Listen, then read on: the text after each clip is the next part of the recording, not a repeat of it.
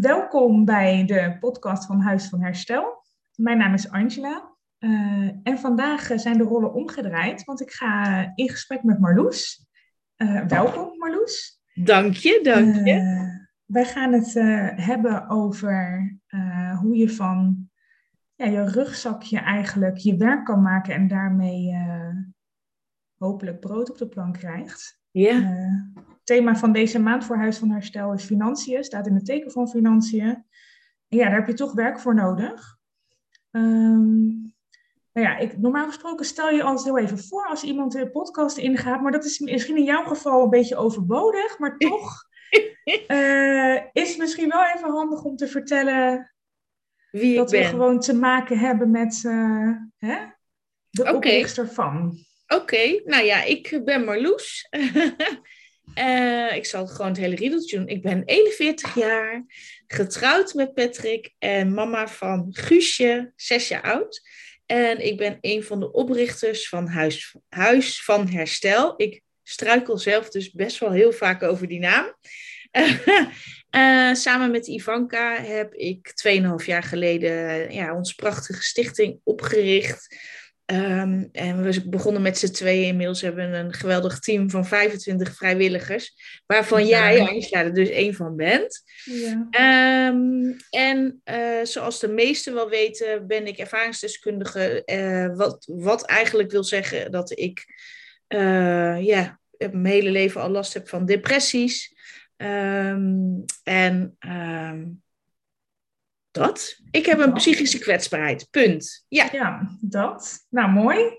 Ik vind het heel leuk dat we het een keer andersom doen. Want normaal ja. gesproken ben jij degene die de podcast uh, doet. Dat en ben klopt. ik degene die de transcripties typt. Dus dat ga ik deze keer ook niet doen. Dat is ook wel leuk. Ja. Um, ja, ik, uh, we gaan het hebben over hoe jij met die psychische kwetsbaarheid eigenlijk dit moois hebt gecreëerd. Want dat, ja, ik ben er onderdeel van en dat durf ik toch echt wel te zeggen. Dat tegen iedereen die ik het vertel, iedereen vindt het bijzonder en vindt het mooi en vindt het prachtig hoe dit staat. Maar dat is natuurlijk wel ergens begonnen uh, met waar het niet helemaal lekker liep, zeg maar. Ja, dat klopt. Um, want je hebt er niet meer voor gekozen om terug te gaan naar een baas. Nee.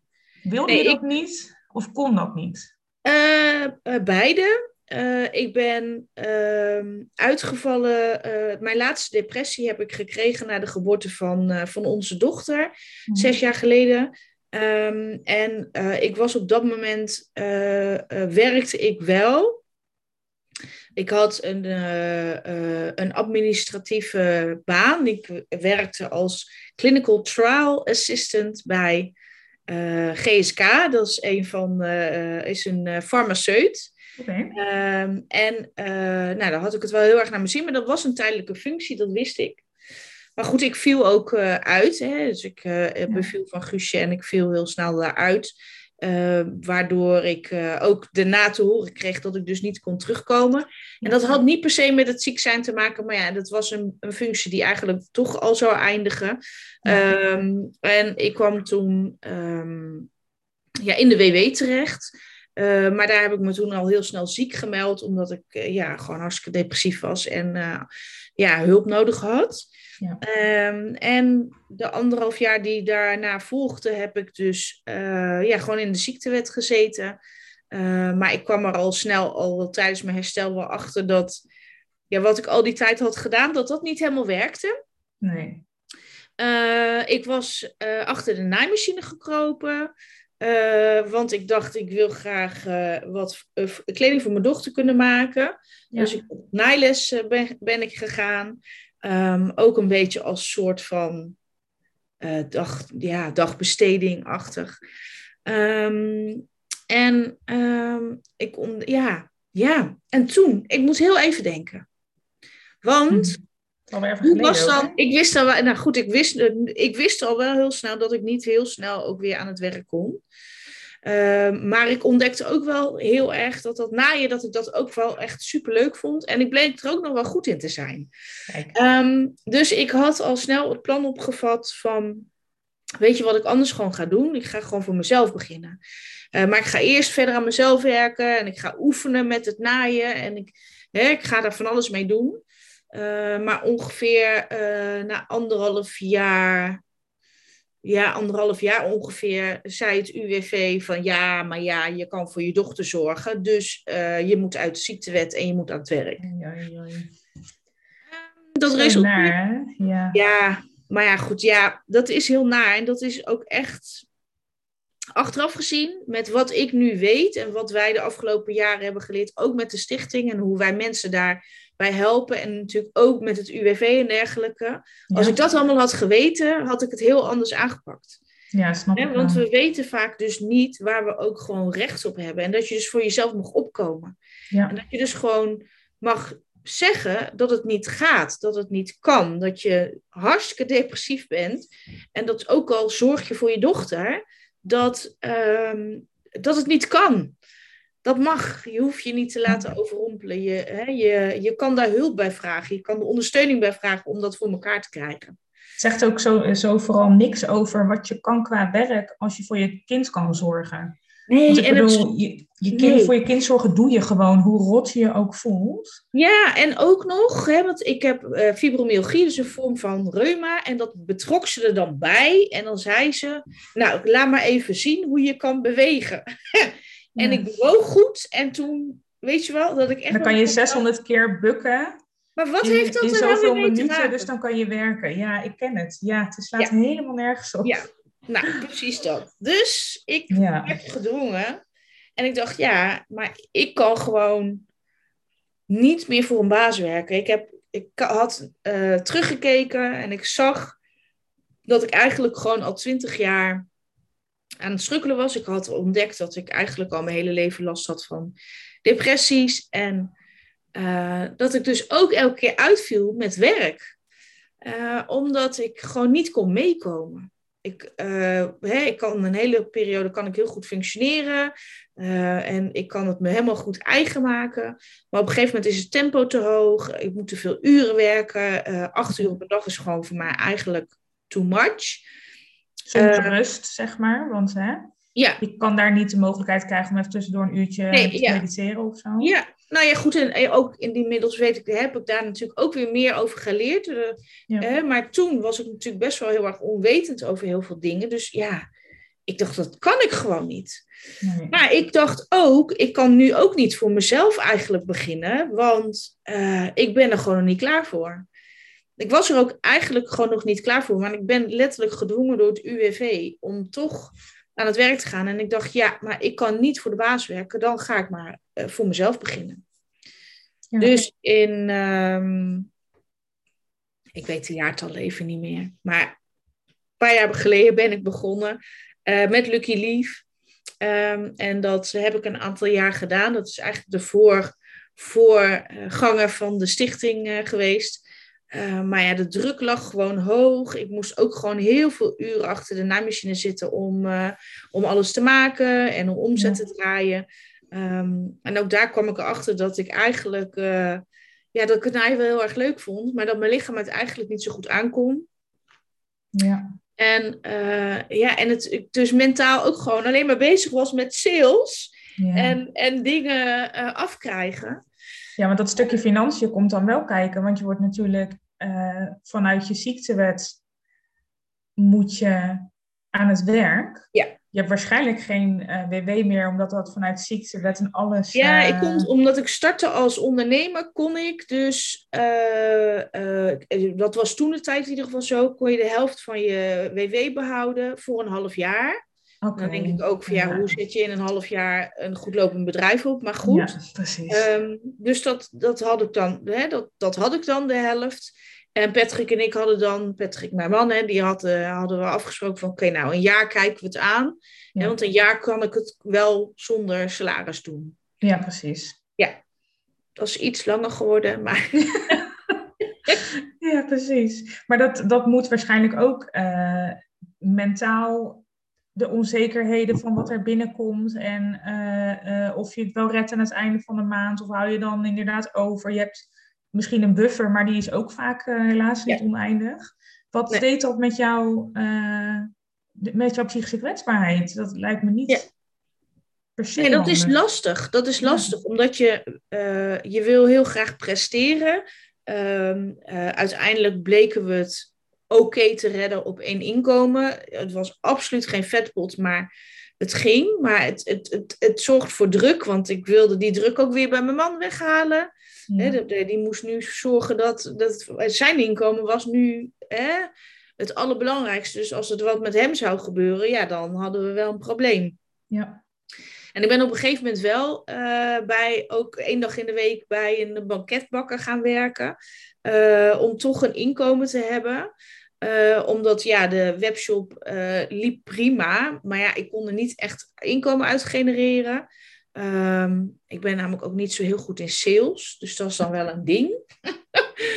En uh, dacht ja, wat, wat doe ik? Wat wil ik? Weet je wel, wil ik hiermee verder gaan? Ik had inmiddels alweer andere plannen ook erbij. Maar ik dacht, ja, weet je, ik wil toch ook een inkomen genereren. Dus ik ben één dag in de week bij, de, bij een banketbakker gaan werken. Ja. Hij was eigenlijk gewoon veel te zwaar. Maar toch... Ik nog herinneren. Ja. Ja, toen kwam ik net een beetje... Ja, ja dat, was... Ik was daar, ben daar begonnen vlak voordat we de stichting. Uh, ja, dat, volgens mij kan ik me dat nog wel herinneren. Een paar maanden daarvoor, ja. ja want maar wat heftig, joh. Ja. Ja, dus dat zorgt voor veel stress en je bent eigenlijk veel meer uren aan het werk dan, dan dat ik aankom. Zowel lichamelijk als mentaal gezien. En dan ben je ook nog moeder. Ja. En ja, huishouden. Ja. Ja.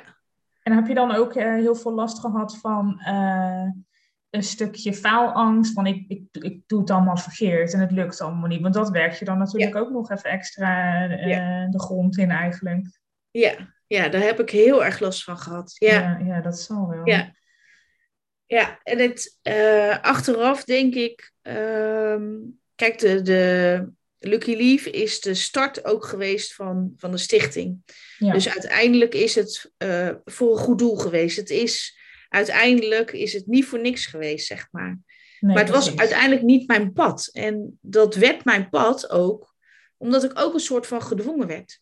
Ja. Ja omdat je toch te snel aan het werk moest. Ja, precies. Ja. En als je nou in die, wetend wat je nu weet, projecteert op toen, hè? Wat had je dan anders gedaan? Hoe denk je dat we dan... En dat is puur eventjes... Wil jij zegt altijd, laten we lekker dromen. Dat is natuurlijk hartstikke speculeren. Maar wat had je nu, wat heb je nu geleerd? Wat je, waarvan je toen zegt, lieve Marloes... Als je dit nou zo en zo had gedaan, hè, dan was het zoveel beter voor je geweest. Nou, er zijn wel een aantal dingen die ik anders had gedaan. En dat heeft vooral te maken met de onzekerheid die ik had toen ik startte als ondernemer en überhaupt in die branche. En uh, hè, ik was natuurlijk eigenlijk maar een, een hobbyist die, die haar beroep uh, ervan maakte. Uh, ik had mijn eigen plan getrokken. Ja. En ik was door, toch een bepaalde mate onzeker. Ik, mocht, hè, ik kon overal ook meedraaien, meekijken. En heel veel mensen vonden er ook wat van, want er waren al zoveel kledingshops. En uh, dan iedereen verkocht maar hetzelfde. En ik wilde uniek zijn, terwijl ik eigenlijk uh, nog niet de kwaliteiten had om uniek mhm. te zijn. Wat helemaal niet erg was. Maar het, ik, ik werd wel, uh, ik heb me wel laten beïnvloeden in, in hoe ik het ben gestart. Ja. Um, ik had achteraf gezien gewoon heel anders mogen starten. Veel kleiner en gewoon veel kleinschaliger. En me niet zo moeten laten beïnvloeden door wat een ander vindt. En uh, niet vergelijken bijvoorbeeld. Ik had gewoon echt mijn eigen, mijn eigen pad mogen kiezen. Maar aan de andere kant, ja, wat had ik net zelf geleerd om te zijn wie ik, wie ik was, zeg maar. Ja, precies. Ik was zelf nog eigenlijk aan het herstellen. Ja, ja, dat is inderdaad, het ging allemaal veel te snel, ja. Ja. Ja, en toen, uh, of nou ja, toen die tijd, Stichting Creatief Herstel, dat is nu natuurlijk Huis van Herstel, uh, dat lukt wel. En goed. Ja. Nou ja, goed, en dan even een, een, uh, een beetje meer info daarover. Want uiteindelijk hè, heb ik dat samen met Ivanka gedaan. Ja. Uh, we hebben elkaar ontmoet toen ik Lucky Leaf nog had. En ik in mijn naaiateliertje wat ik had, een plek bood om, ja, om te zijn en, en om te herstellen. En zo is Ivanka op mijn pad gekomen. Ehm, en wij waren zo'n goede match dat we een half jaar later een, uh, samen een herstelprogramma hadden geschreven en uh, bezig waren met voorbereidingen om Ongelooflijk, hè? Stichting Creatief Herstel toen de tijd ja. op te zetten. Ja, en ik ontdekte al heel snel dat ik dus daar echt, echt nog meer mijn vuurtje van ging branden. Van welk deel dan precies? Van het helpen van een ander. Ja voor een ander klaarstaan. Ja. Maar dan zonder jezelf te vergeten, is de bedoeling. Ja, dat is de bedoeling. Dat lukt niet altijd, maar meestal wel inmiddels wel heel goed. ja, nee, dat is wel lastig hoor. De eerste, ik weet dat we de eerste groep deden en het was voor ons nieuw. We hadden een programma geschreven, een methodiek ontwikkeld en die gingen we testen uh, op, de, uh, op een groep mensen. Uh, waaronder ook een vriendin van mij en een bekende van Ivanka. En oh, zo hadden we een clubje samengesteld. Uh, en we gingen echt all in. echt all in met al onze gevoelens en al onze. Uh, en dat was echt super fijn. Dat was echt een, een hele mooie groep. Er zijn echt ja, zulke mooie resultaten uitgekomen. En toen kwam groep 2.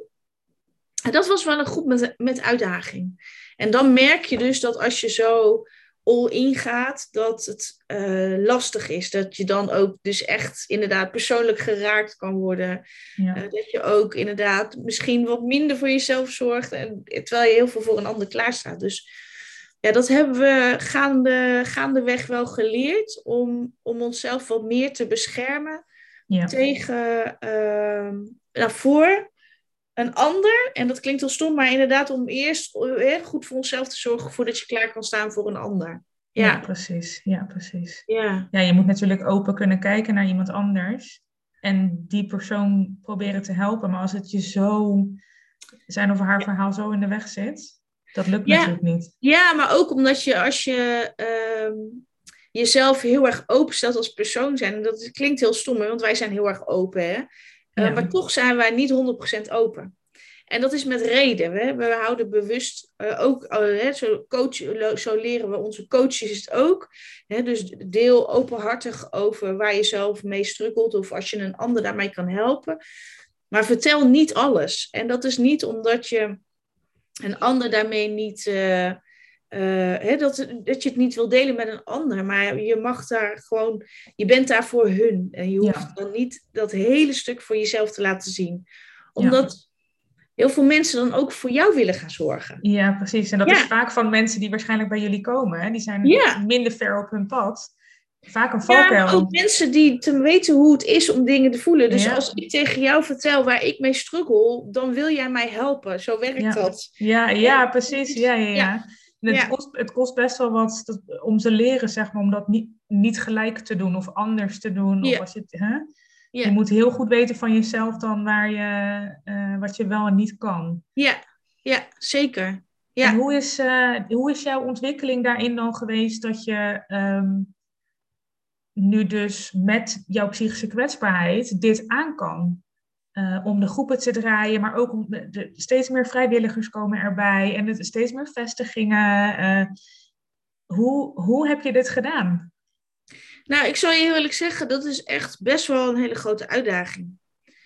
Um, en het grote voordeel eraan is, is dat ik uh, mijn eigen tijden kan bepalen. Dus ik kan zelf zeggen um, wanneer ik vrij nodig heb dat is een hele belangrijke. En dat komt natuurlijk omdat ik samen met Ivanka ook gewoon een soort van de baas ben. Ik doe even zo met mijn vingers.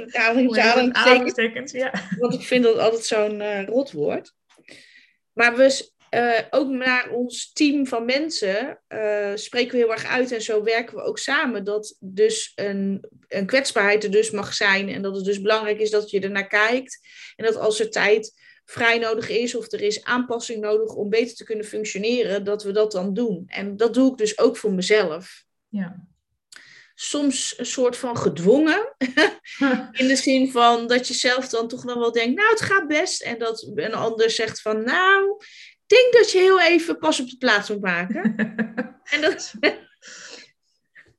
En dat is oké, okay. weet je, dat is ja. oké. Okay. Maar ik denk dat dat het belangrijkste is. En ik denk dat dat ook het, moeilijkste is, waar mensen met een psychische kwetsbaarheid dus in deze maatschappij tegenaan lopen, is dat er vaak geen ruimte is om, om je tijden uh, zelf in te delen. Of om, als je gewoon echt s'morgens opstaat en je denkt, ik heb vandaag zo'n ontzettende baaldag, ik ben verdrietig, dat je gewoon kan zeggen, ik neem een dagje vrij. Ja. Ehm, dus eh, voor mij is het heel erg belangrijk dat ik uh, inderdaad dus kijk dat ik mijn dagen goed indeel. Uh, ik vind het heel erg lastig om een hele dag heel veel te praten. Uh, Maar ik mhm. kan ook niet de hele dag achter de computer zitten. Dus ik, ik wissel dat dus af. Dus ik doe 50-50. Ja. Dus ik, als ik bijvoorbeeld, ik, ik, sta niet meer op alle groepen. Hè. We hebben coaches. Ja. Um, dus als ik achter de schermen aan het werk ben, dan zorg, plan ik mijn dag zo dat ik in de ochtend achter de computer werk. En heb ik intakegesprekken of andere netwerkgesprekken, dan doe ik dat in de middag. Ja, uh, omdat gesprekken mij heel erg, uh, voor mij heel erg vermoeiend zijn. Uh, ik ben altijd, nou dat lijkt nu niet zo, maar ik ben meestal best kort van stof. In de zin van dat het is hè, snel, snel ben met gesprekken of wat dan ook.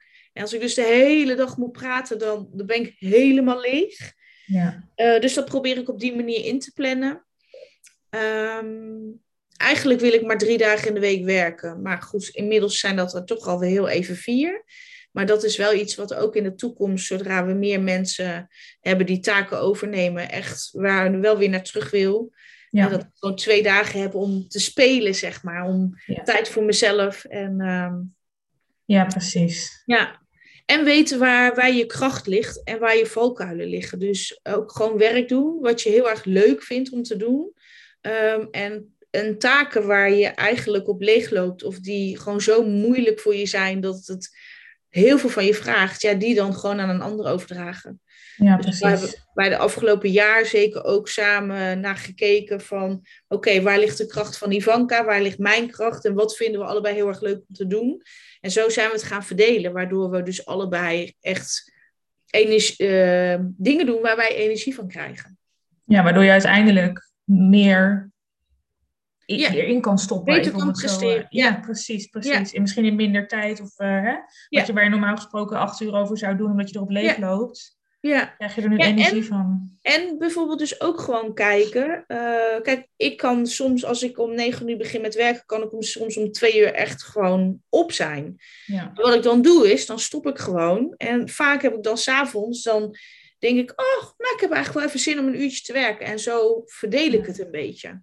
Ja, precies. En dat is ook wel echt het voordeel van niet voor een, voor een baas werken, even die aanhalingstekens ja. ja, ja. Omdat dat te kan. En je overlegt dat natuurlijk wel waarschijnlijk uh, met, met Ivanka of met de coach waar je op dat moment mee staat als er iets is, ga, denk ik dan. Ja, oké, weet je, maar dat, hè, dat kan, hè, je kan daarin overleggen. Maar wat betreft, uh, hè, als het niet gaat om de groepen, dus daar buiten omheen, ja. Uh, ja, dan, dan kun je dat dus op die manier doen. En wij geloven dus ook heel sterk in dat het bij werkgevers, of wij, ook al werk je voor een baas, het eigenlijk op die manier ook zou moeten kunnen.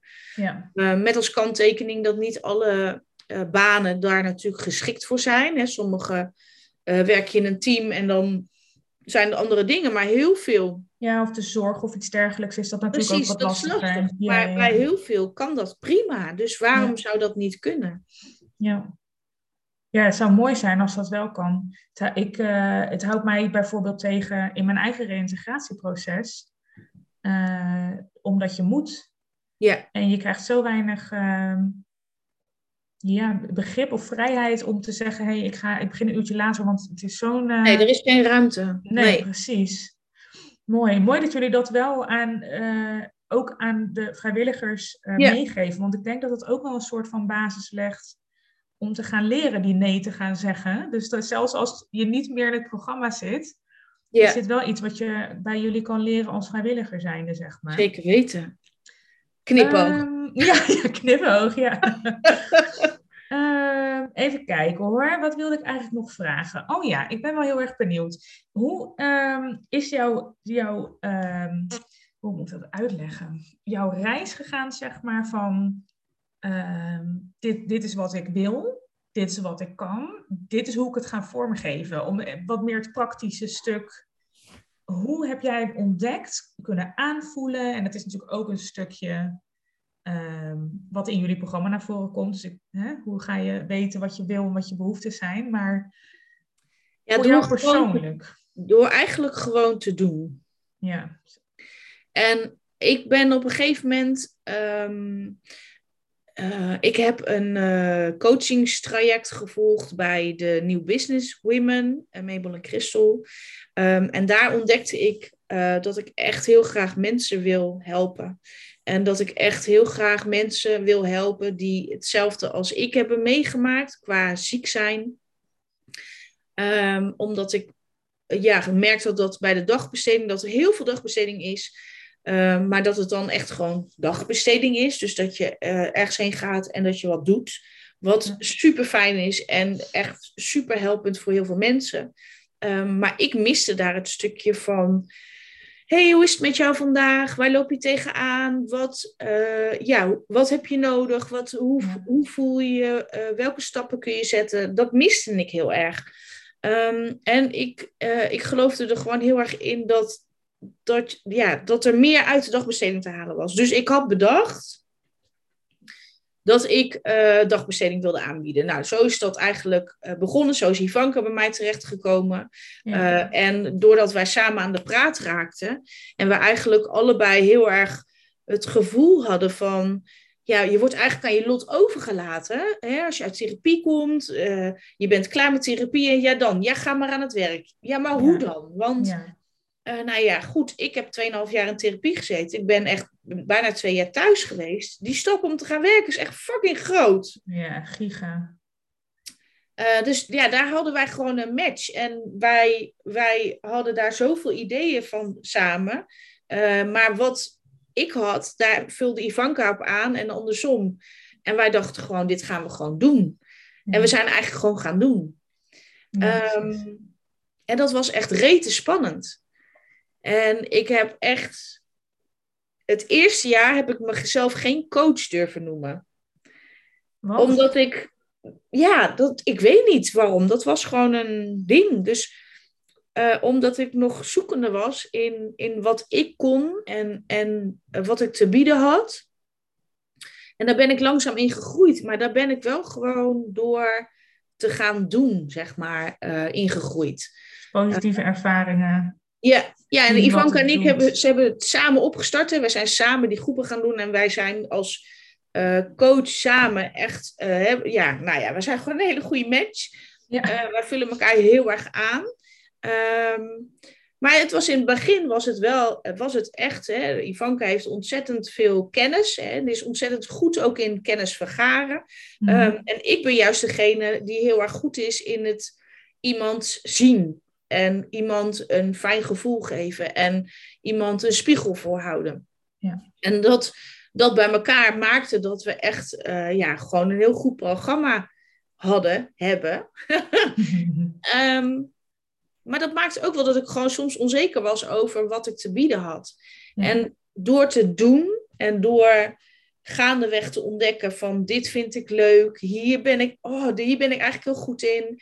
Op je bek gaan, want ja dat hoort er ook echt bij. Ik ben echt heel veel op mijn bek gegaan. Uh, met dingen die. Dat je misschien iets een keer aan, iets aanpakt wat eigenlijk niet goed is, wat je anders had moeten aanpakken. Um, uh, ja, dingen leren. Um, eigenlijk, ja, gewoon doen eigenlijk. En gaandeweg ontdek je dan dat ik echt. Ga ik het zeggen? Ja, ik ga het zeggen dat ik een knijter goede coach ben, omdat ik heel goed uh, iemand kan zien. Wil je het nog een keer zeggen? Dat ik een knijter goede coach ben, omdat ik mensen echt zie. En ik voel gelijk waar de, waar de schroem wringt. Ik ben heel erg goed in het uh, iemand een spiegel voorhouden. Iemand aanmoedigen om ook daadwerkelijk die stappen te zetten. En doordat ik een goede manier van vraag stellen heb, ontdek ik gewoon heel veel. Ja. Maar dat heb ik niet geleerd door elke dag tegen mezelf te zeggen van ik ben een goede coach. Nee, dat heb ik geleerd door het te doen. Ja, precies. Ja. Mooi. Ja. Ik heb dat ook zelf meegemaakt, hoe, jij, uh, hoe goed jij bent. Want dat vind ik echt ook, beide overigens hoor. Ik heb de mazzel gehad om van jou en uh, ja, van Ivanka tijdens de eerste corona ja, tijdens de eerste lockdown, lockdown gedoe. Shizzle. ja, precies. Allebei als coaches te hebben. Dus dat was mijn, mijn geluk. Ehm, wat, wat denk je nou, uit, als we even kijken naar jouw rugzak, als je twee dingen mag noemen waarvan je denkt, dit is echt ehm, waarom, wat ik uit mijn rugzak van toegevoegde, de grootste toegevoegde waarde heeft aan nu mijn werk? Nou ja, ik, uh, ik uh, kan meevoelen. Ik kan letterlijk tegen iemand zeggen van, maar ik weet echt hoe je je voelt. En uh, daardoor kan ik dus ook kritischer zijn. Ik kan dus ook tegen iemand zeggen: Kijk, dit is de spiegel, kijk er nou eens in. En ik weet hoe moeilijk dat is en ik weet hoe het voelt, want ik heb het zelf meegemaakt. Ja. En daardoor voelen mensen de verbinding. En, en ik, letterlijk, meerdere malen heb ik wel eens gehoord van, ik, we nemen het van jullie sneller aan, omdat jullie het zelf hebben ervaren. Ja. En dat is dus wat, uh, wat ik uit mijn rugzak meeneem, is dus die ervaring en het, eh, iemand het, die verbinding die je daardoor met iemand krijgt. Um, en ja, het gevoel van compassie hebben voor, uh, voor anderen. Ja, juist, juist door mijn eigen ervaringen. Ja, precies. Ja, ja. Nee, duidelijk. Ja. Ja. Um, nog heel even terug naar het financiële stukje. Ja, dat, Want dat is natuurlijk dat is ook inderdaad waar de maand over gaat uh, nu. Um, een stichting is niet makkelijk. Nee. Dat gaat niet vanzelf. Nee. En dat hebben we voor de, voor de luisteraars die, uh, die jullie volgen op Facebook of Instagram, hebben ook vaker wel eens een crowdfunding naar voren zien komen. Die hebben wel eens vaker een veiling. nou ja, jullie doen workshops buiten, hè?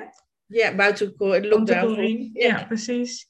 Uh, dat is allemaal ook om uh, de programma's te bekostigen, om de, uh, de stichting draaiende te houden. Ja, um, mede, ja. ja. Mede, zeker. Ja. Doet dat ook niet iets met je psychische kwetsbaarheid, met de rugzak die je hebt, dat je geen vast inkomen heel lang hebt gehad? Ja. Um, dat het niet zeker is als je geen vaste subsidies of iets dergelijks hebt. Het is best een onzeker iets. Ja, Zeker. Ik, misschien kan ik even een stukje vertellen waarom, waar, waarom wij überhaupt een stichting begonnen zijn en waarom wij ons programma niet commercieel zijn gaan verkopen. Ja, nou goeie. Um, omdat er zijn ontzettend veel coaches die ontzettend goede programma's aanbieden voor heel veel geld.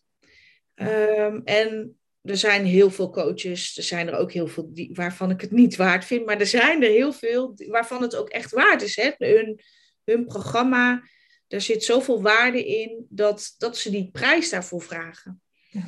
Ehm, maar dat betekent dat niet iedereen toegang heeft tot die programma's. Ja. Want er is een heel groot deel, uh, laten we het even over Nederland hebben in de mhm. wereld ook, maar ik bedoel een heel groot deel Nederland, wat gewoon niet de ruimte heeft, financieel gezien, om een duur programma te kopen en verder aan zichzelf te werken. Ja. Uh, wat maakt dat, dat de mensen bijvoorbeeld uit de bijstand, maar niet eens, hè, maar ook met een uitkering die wat minder te besteden hebben, ja. ja. gewoon niet die gelegenheid krijgen om die stappen te zetten. Dus ja, ik zeg het altijd maar, de rijken worden rijker ja, denk ik, ja, jezelf werken is super makkelijk als je een grote portemonnee hebt. Ja. Even heel zwart-wit gezegd, dus zo zwart-wit is het ja, Maar, en wij hadden uh, uh, idealisten als we zijn, uh, wilden ons programma gewoon voor iedereen beschikbaar maken. Ja. dat hebben we in eerste instantie hebben we het zelfs gratis aangeboden. Maar goed, met gratis gaat de, de, schoorsteen niet roken. Nee. en we moesten wel huur betalen.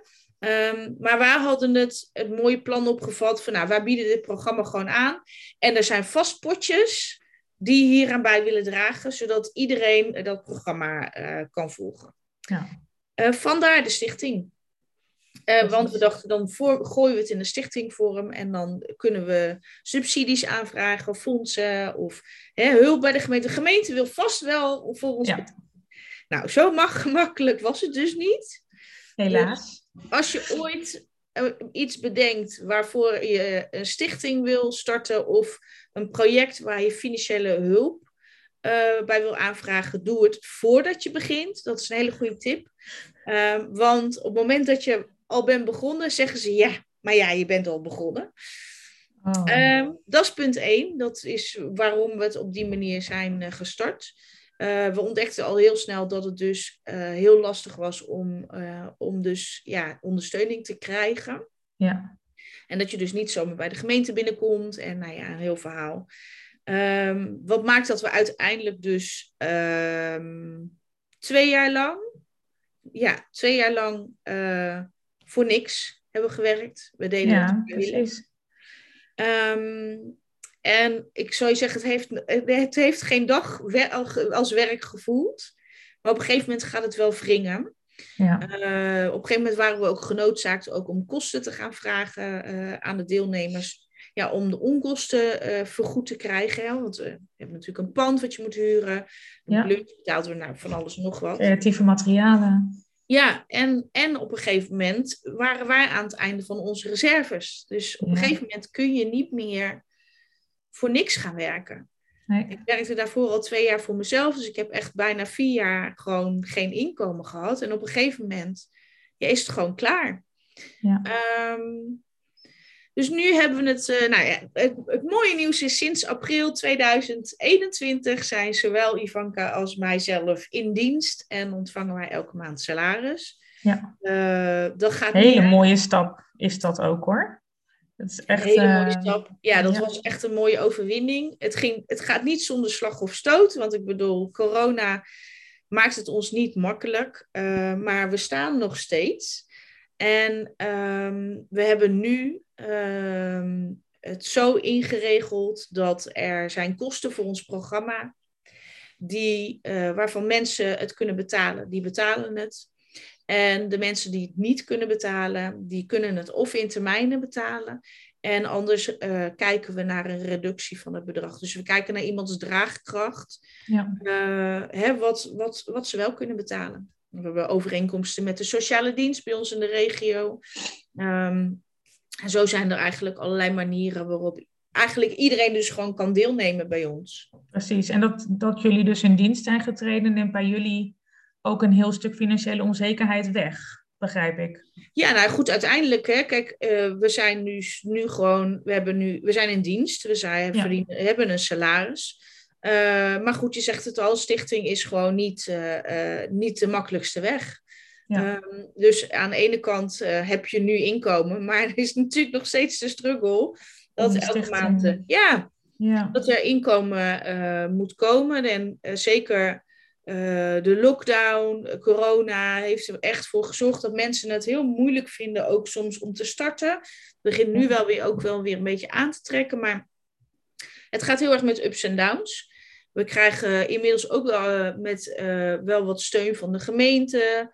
Uh, nou, we hebben inderdaad een, zoals een crowdfunding gebruiken we dan weer om een nieuwe vestiging op te zetten, bijvoorbeeld. Ja. En zo, zo gaan we eigenlijk het jaar, het jaar door. Ja. ja. Dus een beetje. Dus, het is, dus de stress een beetje dubbel. ja, precies. Nee. Het is een beetje dubbel. Het is een beetje, ja, er is een beetje zekerheid, maar er is ook nog steeds een heel groot stuk wat je eigenlijk per. En vooral met de onzekerheden van de laatste twee jaar eigenlijk een beetje moet kijken per maand, paar maanden hoe dat loopt. Kunnen er weer workshops gegeven worden? Kan er weer Juist, ja. van alles mogelijk zijn? Ja, Het doet natuurlijk ook wat met je bekendheid als je je inloophuis, eh, wat jullie dan doen op woensdagochtend, dat mag niet meer nu. Dat kost natuurlijk ook van alles aan Ja. bekendheid. En, eh, ja, maar mensen vinden het ook spannend, hè? En ja, eh, wat heel veel mensen mis- niet, misschien niet beseffen is, wij zijn een half jaar gestart voordat de eerste lockdown ja, start ging. Dus wij waren net begonnen eigenlijk. En eh, waarin de eerste twee groepen vulden zich, nou wat de eerste drie groepen vulden zich zo. En toen kwam corona. ja. En van dat, vanaf dat moment is het eigenlijk een struggle geweest in de zin van om mensen bij je te krijgen. Ehm, niet omdat ons programma niet goed zou zijn, maar omdat mensen het heel erg eng vinden. Ja. En mensen vonden het heel spannend om naar ons atelier te komen. Eh, eh, hè, we, we kunnen geluk, we konden in ons oude pand, en we zijn nu natuurlijk aan het verhuizen, gelukkig Ja. heel erg goed afstand houden. Het was een hele grote ruimte. Ja. Ehm, maar het is lastig, ja. Maar toch, ondanks dat, twee vestigingen, erbij. Drie vestigingen, ja, totaal drie vestigingen. Ja. Vierde staat ook al op de planning. Kijk. Ja. En we gaan Dus- gewoon door. Ik wou zeggen, gewoon doorgroeien. Ja. Hey, als je terugkijkt, hè, is er iets waarvan je denkt, had, had, hier heb ik spijt van. Ik heb er spijt van dat we voor een stichting hebben gekozen en niet voor iets waar ik eh, wat meer eh, financiële zekerheid, eh, waarmee ik rijk zou kunnen worden. Of, hè? Ja, nou, ja, nee. Want we hebben het er wel eens over gehad, hè, van hadden we dit dan toch maar commercieel moeten doen? Want ook als je commercieel bent, kun je mensen helpen en kun je ook gewoon programma's weggeven. Ja. Maar het is uit ons uiteindelijk nooit om het geld te doen geweest. Wij willen Ja. echt oprecht bijdragen. En we willen echt ervoor zorgen dat iedereen de mogelijkheid heeft om een coachingstraject te volgen. Ja. Ehm, en inmiddels, in het begin waren we echt heel idealistisch. En oh, het, we, we hoeven niet. En hè, we hoeven er niet veel geld te verdienen. En we hoeven niet eh, eh, rijk van te worden. En dat willen we nog steeds niet trouwens hoor. Maar inmiddels geloven we dus wel dat we het wel verdienen om een salaris te verdienen. Ja. Omdat wat wij neer hebben gezegd echt het waard is. En we echt het verschil maken. Ja. En zo geloven we dus ook heel erg dat zo ma- naarmate we verder groeien, hè, dat er naarmate de, de stichting groeit, dat wij ook eh, goed betaald mogen krijgen. Want Ja. hoe, meer, be- hoe meer we betaald krijgen, hoe meer mensen wij kunnen helpen. Ja. Hè, als ik, Ja, als ik een, een, een, hè, een hoger salaris zou krijgen, kan ik meer mensen helpen, letterlijk. Kan ik meer geld weggeven, kan van alles doen. Ja. Ehm, dat maakt dat die money mindset, en ik vind het echt een rot woord, want ik krijg er altijd jeuk van, wel veranderd is. Omdat je, je wel, ook al ben je ide- idealist, ook al ben je activist, ook al wil je het verschil maken, Ja. dat je daar wel gewoon, je mag betaald worden voor je harde werk. ja, precies. Ben ik het ook mee eens. Zeker. Dankjewel. Ik vind het, heel, ik vind het een heel leuk gesprek hebben we gehad eigenlijk. Ja, ik heb ook niet zo, eh, ik zit ook te bedenken, heb ik nog, ik had een heel lijstje met wat dingetjes van ik denk, nou, misschien kan ik dat vragen, maar we zijn er zo, Ja, misschien vloeiend. moeten we hem ook niet te lang maken. Nee. Iemand anders de transcriptie moet schrijven. ik hoef nu zelf geen uur te typen, maar hè? nee, precies. Ik heb ook niet zo heel veel meer te vragen. Ik, eh, ik, eh, ik vond het heel leuk gesprek. Ik heb ook allemaal nieuwe dingen nog gehoord, ook van jou en van de stichting die ik ook niet wist, dus dat vind ik eigenlijk wel leuk. Ja, ik zat wel te denken, ik denk, omdat wij natuurlijk zo bekend zijn met elkaar, dan zit je te kletsen dat ik denk, oh, heb ik nou iets gezegd wat ik niet had moeten zeggen? Ja, ik weet niet in hoeverre mensen op de hoogte zijn van die eh, vierde stichting die op de planning staat. maar dat Oh, is ja, wel ja, ja. Nou, stiekem dat- misschien wel zo'n eh, zo'n nieuwtje tussen neus en lippen door. Ja, dat is niet zo heel sneak erg. peek. ja. Volgens mij valt het mee, maar ik bedoel, je kan hem altijd zelf nog even naluisteren. ja, knippen en plakken. Nee hoor, dat Ja, zal dat ik niet is- doen. Ik vond het ook echt superleuk. eh Je stelde het natuurlijk zelf voor. Van Marloes, zal ik jou interviewen eh, over dit stuk? Eh, en ik vond het echt heel erg leuk om de touwtjes eens uit handen te geven. Ja, volgens mij hebben we een hele mooie podcast zo gemaakt, saampjes. dat denk ik ook. En het was voor mij ook weer gelijk iets uit mijn comfortzone. Ik ben nu twee keer in een podcast geweest en nu moest ik zelf de vragen bedenken. Dus hè, het Precies. is gewoon win-win. Ja, helemaal goed. Zal Nou, ik hem dan afsluiten? Ik wou zeggen, want die heb ik niet helder. Dus als jij dan mooi die afsluiting doet, dan is het helemaal prima.